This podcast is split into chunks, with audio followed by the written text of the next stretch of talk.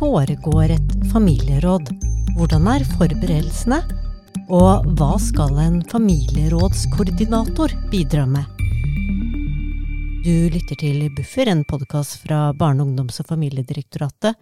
Jeg heter Marianne Løkkevik, og med meg i studio nå har jeg familierådskoordinator Ingunn Hensel og familierådsansvarlig her i Bufdir Svanhild Vik. Velkommen. Tusen takk, Marianne. Tusen takk. Hvorfor jobber du som familierådskoordinator, Ingunn? Fordi jeg trives veldig godt i den frie, uavhengige rollen. Å få jobbe med mennesker. Gjerne mennesker som har en litt vanskelig situasjon akkurat der og da. Eh, og tåle å stå litt stødig sammen med de og hjelpe de fram til familierådet, som skal finne løsningene på de flokene. Mm. I første episode om familieråd som metode, så har vi snakket en del om Bufdirs rolle og en del om familieråd generelt. Det vi er veldig spent på i dag, er familierådskoordinatorens rolle. Hva er din rolle i et familieråd? Det er å møte menneskene der de er. Eh, både mamma og pappa og barnet som skal ha familieråd. Men også tante, onkel, besteforeldre, fotballtreneren og alle de andre viktige personene til barna forberede de godt på hva de skal være med på, sånn at de er trygge når de går inn i familierådet og vet hva som forventes av dem. Da blir det et godt familieråd. Beskriv kort det sånn typisk oppdrag for deg. Fra begynnelse til slutt? Fra begynnelse til slutt. ja, de, jeg får jo den aller første telefonen fra Bufetat, region øst. Og et spørsmål om jeg kan ta et oppdrag og er leder for det. Ja, sier jeg da. Det gjør jeg stort sett alltid. Eh, og så møter jeg familien første gang eh, i et oppstartsmøte hos kommunens barnevernstjeneste vanligvis, da.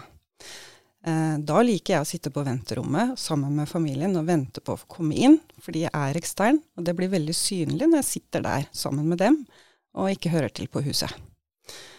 Og så har vi oppstartsmøte og blir enige om hva dette skal handle om, og når det skal være, og eh, sånn. Og så kommer jeg på et besøk hjemme hos familien, og lager et nettverkskart sammen med dem og barna. Um, og da tegner vi på et stort ark alle de viktige personene til det barnet. Og snakker litt om den gjør det, og hvem er den, og kanskje vi har noen konflikter der, og det er mye forskjellig vi prater om. Og så blir jobben etterpå å reise hjem til hver og en av de og snakke med de også om familierådet. Men ditt og, møte med familien, hvordan oppfatter familien deg? Tror de forstår den der frie, uavhengige rollen veldig godt. Og det tror jeg er veldig viktig for mange familier òg. At de vet at jeg spiser ikke matpakka sammen med barnevernstjenesten i den kommunen, men jeg kjører rundt i bilen min, og jeg er selvstendig. Eh, og skal ikke mene eller tenke eller ha oppfatninger på forhånd. Eh, og det tror jeg de føler er trygt, når jeg har det sånn, da. Mm. Jeg lurer litt på det med å besøke andre. Det er jo ganske sånn tidkrevende. Det kan jo hende at noen bor i Tromsø, og noen bor i London, for den saks skyld. Hva gjør du når du liksom står overfor disse praktiske utfordringene? Det blir jo uh, litt sånn praktisk tilnærming. Noen ganger så er det viktig å reise til alle. Uh, kanskje til og med et barn skal flytte da, til Tromsø etter familierådet. Da kan det ha vært viktig å ha vært på besøk hos den familien i Tromsø som kanskje skal uh, få et nytt barn boende hos seg. At de blir kobla på på en god måte. og andre ganger så kan det jo kanskje være med digitalt. Det er det mye av også. Så, eller at jeg besøker de digitalt. Det kan også skje. Så det, vi løser det i hvert enkelt tilfelle, men det er alltid et samspill med kommunen også, da. For kommunen har jo ansvar for noen av utgiftene knytta til at jeg skal reise litt og sånn. Så det kommer helt an på hva behovet er. Noen ganger er det kjempeviktig å reise på det besøket for at det skal bli bra. Hvordan kan det utgjøre en uh, forskjell? Gi meg et eksempel. Og det er noe, annet da, når du kommer i et møte som er kjempeviktig. Det handler om så viktige ting. Hvor et barn skal bo, f.eks. Eh, å være trygg og godt forberedt, at det ansiktet som møter deg i døra når du kommer til det møtet, er et kjent ansikt som du er trygg på, og som har forklart deg alt hva du skal være med på. Eh, da er det litt enklere og tryggere å gå inn i møtet enn om man har fått en innkalling på et brev i posten. Eh, og man kanskje er litt utrygg på barnevernstjenesten fra før, ikke sant. Det er det mange som er. Eh, sånne ting. Men det skal, er tillit og trygghetsskapende, da. Jeg regner med at du også får mye opplysninger underveis da, mange historier fra ulike familiemedlemmer. Hvordan håndterer du dem?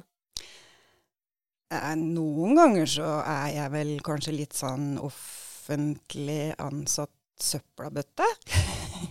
er det lov å si det? Det er lov å si. ja. Uh, og det er lov å prate om det man har på hjertet. Og det er veldig lurt noen ganger å legge igjen noe av det vanskelige før familierådet. Få, liksom, få, få det litt ut før familierådet. Uh, fordi at da kan man fokusere på det som er viktig og, i familierådet. Uh, og da kan det ha vært greit å få lufta ut det vanskelige på forhånd. Ja, og da har vi også kommet til selve familierådet. Hva er rollen din der, og hvordan gjennomføres et familieråd? Da er jeg den som fasiliterer alt. Eh, mat og kaffen og rom og reservasjon av møterom. Alt mulig sånn praktisk. I tillegg så tar jeg imot deg i døra når du kommer. Eh, ønsker deg velkommen. Eh, jeg leder møtets del én eh, og del tre. Del to av familierådet, eh, det er familiens eget møte. og Da går jeg ut av møterommet. Så, så, jeg sørger for at den møtedagen forløper så godt som mulig. Hva inneholder eh, møtets del igjen? Det er fagdelen i familierådet. Eh, og det er litt sånn egentlig en veldig viktig bit i familierådet, det òg. Barnevernstjenesten holder jo alltid sitt innlegg om liksom situasjonen til barnet, hva de tenker er eh, barns behov og osv. Um, kanskje litt om rammer og betingelser òg, fordi det er ikke alltid kan godta i en plan f.eks., og da er det viktig at de sier det der. Uh, men så kan det kanskje være andre som kommer og, og, også kan ha nyttig informasjon. og Det er ofte skole eller barnehage, men det kan være voldskoordinator hos politiet eller en ruskonsulent, eller det kan være de som på en måte er en del av fagteamet rundt familien og barna. Uh, og som har noe nyttig informasjon som alle i, nettverket trenger å, å, vite litt om. Litt voksenopplæring. Mm. Og så kommer del to. Så kommer del to. Og det er jo alltid spennende. For da skal alle fagpersonene gå ut. Noen er kanskje spent om å sitte i samme rom. Kanskje har ikke bestemor og bestefar sittet i samme rom på 30 år, ikke sant. Hatt en superkonflikt over lang tid, og så skal man plutselig sitte der. Eh, men da har man jo en Eh, stødig ordstyrer i familien eh, og nettverket. Eh, og barnet har en støtteperson, og det er noen som skal være sekretær. Og man er godt forberedt på oppgaven sin. og det pleier å gå veldig greit. Vanligvis sånn ca. 15 minutter inn i et litt sånn anstrengt familieråd som har vært veldig spenning knytta til i forkant, så hører du den første latteren sånn bak døra. Det har gått sånn ca. 15 minutter, så hører du den, og da er det sånn Da sitter du utafor og tar ja, ja, tiden? Ja, hver gang. og, og, den kommer veldig gjerne da. Veldig sjelden at man hører 15 stoler som skyves bakover samtidig. Da er det litt mer grunn til bekymring, men det, det skjer veldig, veldig sjelden hvis man er godt forberedt. Mm. Hva skal til for at dere griper inn i en sånn del? Vi sier alt ifra både til ordstyreren og alle som er til stede, at dersom dere trenger hjelp, eh, en pause, en timeout, så gjør dere det. Og da kommer dere ut og sier at nå trenger vi litt bistand for å komme videre. Eh, og da, da, ja, da tar man rett og slett den lille timeouten. Det er en slags sikring da, for at ikke det skal bli for vanskelig. Ja, Ingunn, jeg har lyst til du skal si litt mer om den støttepersonen, og hvordan jobber du med en støtteperson i familieråd, og hvorfor er det behov for det? Det kan være behov for å ha en ekstra støtte. Noen som sitter ved siden av deg, som du har avtalt med på forhånd. Tenk på en ungdom eller et barn da, som har familieråd. Som kan si ting for deg høyt hvis du syns det er vanskelig å si det sjøl. Noen ganger så kan det være vanskelig å si ting når mamma og pappa og andre er til stede, viktige personer. Eh, og så mener de kanskje veldig mange ting, og så klarer du ikke helt å få sagt det du sjøl mener. Og da er det viktig at noen vet hva du mener. Snakka med deg på forhånd om hva som skjer i familierådet, og spørsmålene, og hva som skal tas opp. Eh, og så kanskje til og med avtatt et lite tegn Eh, om at, eh, sånn at man kan gå på gangen og snakke sammen hvis det er noe som en har inni seg, da. Som en ikke tør å helt si sjøl. Du har jo hatt veldig mange familieråd, så jeg er litt sånn spent på hvem er det vanlige å velge som støtteperson for et barn? Altså, det viktigste er at det er noen som er litt sånn eh, rolig og trygg, liksom. Og som man vet kan, man kan snakke om, som ikke løper til mamma eller pappa med en gang, eller til noen andre. da, som, som man får ha liksom, tankene sine litt i, i fred.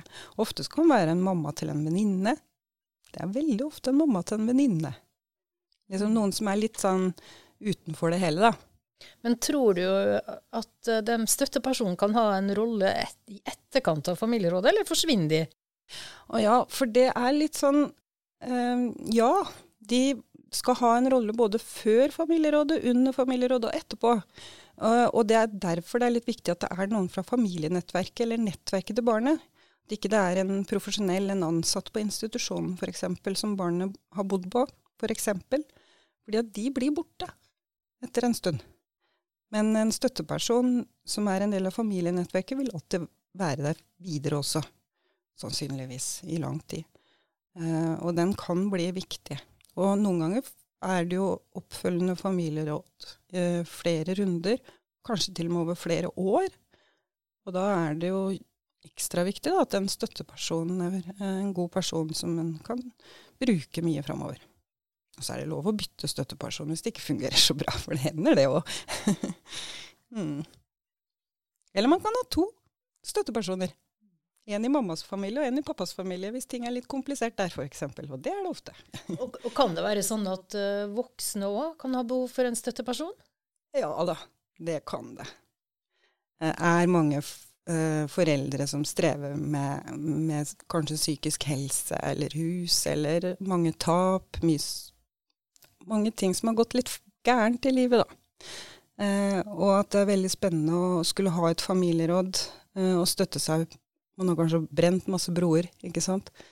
Hvis man da er, eh, har en støtteperson, en god venninne, som kan være med, eller en god eh, venninne som snakker godt norsk, ikke sant. Selv om du har tolk der, så er det liksom det noen som forstår eh, norsk kontekst. da, At det også er trygt og godt å ha med seg. Det kan være så mangt. Så ja, voksne kan også ha støtteperson. Men barna skal ha en støtteperson. Og ekstra viktig hvis barna er veldig små, selvfølgelig. Og når eh, familien har sittet aleine, diskutert, støttepersonene har vært til stede, hva skal de fram til? En plan for barnet. Det, barnet, det er jo målsettinga med familierådet, er jo den planen for barnet. Og jeg syns det er veldig fint hvis den planen er veldig konkret og tydelig. Det står i hele tydelige setninger hva som er blitt bestemt, hvem som det gjelder, eh, hvor og når og hvordan, og til og med kanskje hvorfor man har blitt enige om en ting, og gjøre det sånn eller sånn. Da er det mye større sjanse for at det, det blir sånn. Og det er jo det som er så fint med familieråd, man får ta ansvar for det man har bestemt sjøl. Det liksom det er liksom noe av magien med det her, da. Og at man får liksom være litt sånn i førersetet for uh, hva som skjer i eget liv. Kan ikke du gi oss, gi oss, noen eksempler på hva som bestemmes i en sånn plan? Planer du kjenner eller syns er gode? Mm. Ofte så står det veldig mange praktiske ting i en sånn plan. I hvert fall når det handler om hverdagen og hvem skal kjøre på fotballtrening, ikke sant, og alle de tingene der. Men det kan også stå litt regler og retningslinjer om hvem som skal bestemme hva. Mamma, pappa, fosterforeldre, eh, barnet sjøl, ungdommen sjøl. Eh, eh, litt om hverdagsrutiner, sånne ting. Hvordan mamma og pappa skal bli enige om ting. Eh, det er jo veldig vanlig kan stå mye mer der enn det gjør i en avtale man har blitt enige om i retten. For den handler stort sett om hvor mange dager i uka man skal være der og der. Men i et familieråd så kan man bestemme mange andre ting. Som praktiske ting i hverdagen. Om samarbeid og sånn. Hva gjør eh, du og andre fagpersoner når familien er ferdig med sin runde aleine? Da starter del tre. Og da kommer jeg og barnevernstjenesten inn i møterommet igjen, og da er det jeg som leder del tre av møtet. Det som jeg i praksis veldig ofte gjør da, er at vi lytter øh, til planen. De leser opp det de har blitt enige om, sånn setning for setning nedover, dette på hvert av spørsmålene. Og det blir skrevet inn i en litt sånn mal da, som vi bruker. Uh, og så uh, har man kanskje noen spørsmål fordi at det var litt uklart, og hvem er det som har ansvar for det, og sånn. Barnevernstjenesten har ofte noen sånne spørsmål helt på tampen. Og så får de ta med seg planen ut og ringe lederen sin hvis det er noe der som de tenker er nødvendig at de avklarer med eh, ledelsen i barnevernstjenesten eh, før de godkjenner planen. De skal jo godkjenne planen da, hvis den ivaretar barnet på en god måte. Eh, og da signerer barnevernstjenesten og alle som har deltatt i familierådet, den planen, og, og skal følge opp det.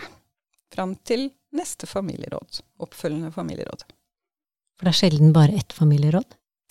Ja, jeg prøvde å regne ut gjennomsnittet av hvor mange familieråd hver familie hadde. som Jeg, jeg, nå, jeg er nå på min familie nummer 228 eh, av oppdrag som jeg har hatt, da.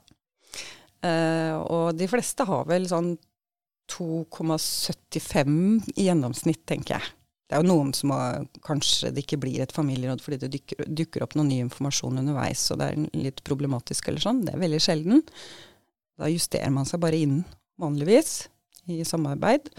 Men uh, de fleste har i hvert fall to, og veldig mange har både tre og fire familieråd, og kanskje til og med flere. Det er veldig mange familier og familieråd. Etter så lang tid som koordinator, når er det du fortsatt tenker at dette hadde jeg ikke regna med å møte? Jeg vil vel si det at hver eneste familie er helt unik, og ingenting er typisk. Uh, og hver gang man tenker at man nå har vel liksom vært og sett og, liksom møtt på de aller fleste utfordringer, nei, det har man ikke.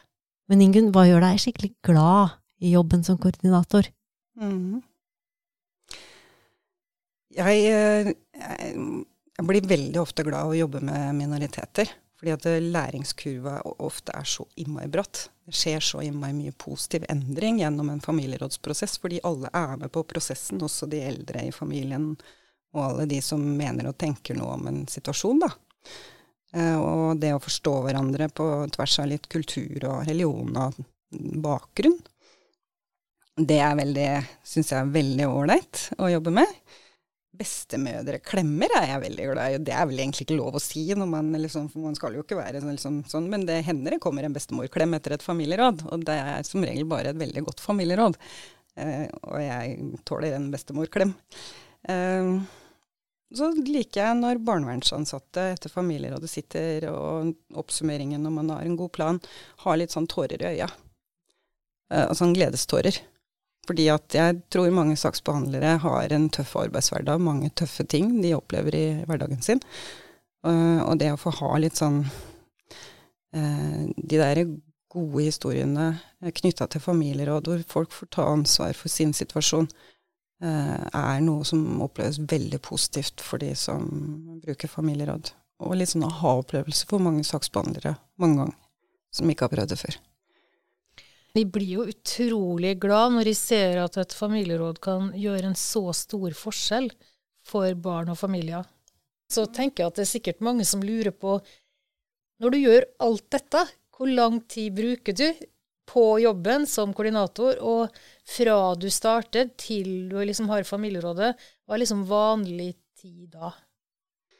Nei, det vanlige er at det går fire til seks uker på et helt ordinært familieråd. Noen ganger kan det gå litt lengre tid, men fordi noe er uavklart, eller man må liksom ta en runde ekstra på noe. Eh, men ofte kan det også gå raskere eh, enn fire uker. Eh, og jeg jobber jo selvstendig, kjører sånne melkeruter, jeg vet du. Jeg tar, starter hos en tante, og så tar jeg liksom hele runden, og da, da får jeg gjort mye på en dag, altså. Hvor mange timer snakker vi om, liksom, i et familierådsoppdrag? Nei, Det er jo en sånn eh, standard ramme på 35 timer, og det pleier å holde det, men noen går litt over det. Det kan ha litt med reisevei å gjøre, eller at det er et veldig stort nettverk, eller at man trenger flere hjemmebesøk for å få liksom, alt på plass. da. Men Ingunn, ser du stor forskjell i bruken og henvendelsene fra kommune til eh, kommune? Du jobber jo for flere. Det er noen kommuner som har blitt veldig gode på å bruke familieråd, og som har det som en rein refleks, ryggmargsrefleks i arbeidet sitt. Um, og det er jo mengdetrening, tror jeg, som gjør at de blir veldig gode på det. Og så ser jeg at det er én sånn nøkkelfaktor som gjør at en kommune blir litt god på å bruke det, og det er at de har en, en eller annen som har ansvar for familierådsarbeid i den kommunen. Uh, enten det er en liten prosentstilling eller det bare er en kontakt hos barnevernstjenesten i den kommunen. Men det er noen som har et litt sånn ansvar på det, og som stadig minner om det, da. Så de kommunene er veldig gode. Hva tenker du om framtiden til familieråd? Jeg eh, håper jo at det vil brukes i mange flere tjenester i kommunen. At man kan liksom få mulighet for å ha familieråd mye tidligere, lenge før det blir en barnevernssak, kanskje. Uh, og at man ser nytteverdien i det. Jeg tror at hver gang man har et familieråd, så sparer man enormt med ressurser, ofte. Det å se det litt større bildet, da, og, og se hvor mye man kan hente inn av ressurser fra et nettverk. Eh, jeg håper at det kunne være en eller annen forebyggende pott i en kommune, hvor man bare tilbyr det som metode, familieråd, uavhengig av eh, tjeneste. At det kunne ha vært en måte å løse det på. Og med den oppfordringen fra deg, Ingunn, så sier vi takk for at du tok turen hit til oss, og for at du har lært både meg og lytterne mer om arbeidet som familierådskoordinator. Tusen takk for at jeg fikk komme. Du har hørt Buffer, en podkast fra Barne-, ungdoms- og familiedirektoratet, med familierådskoordinator Ingunn Hensel, fagansvarlig for familieråd i Bufdir Svanhild Vik, og meg, Marianne Løkkevik. Neste tema i Buffer er barnevern og helse. Vi høres igjen om to uker.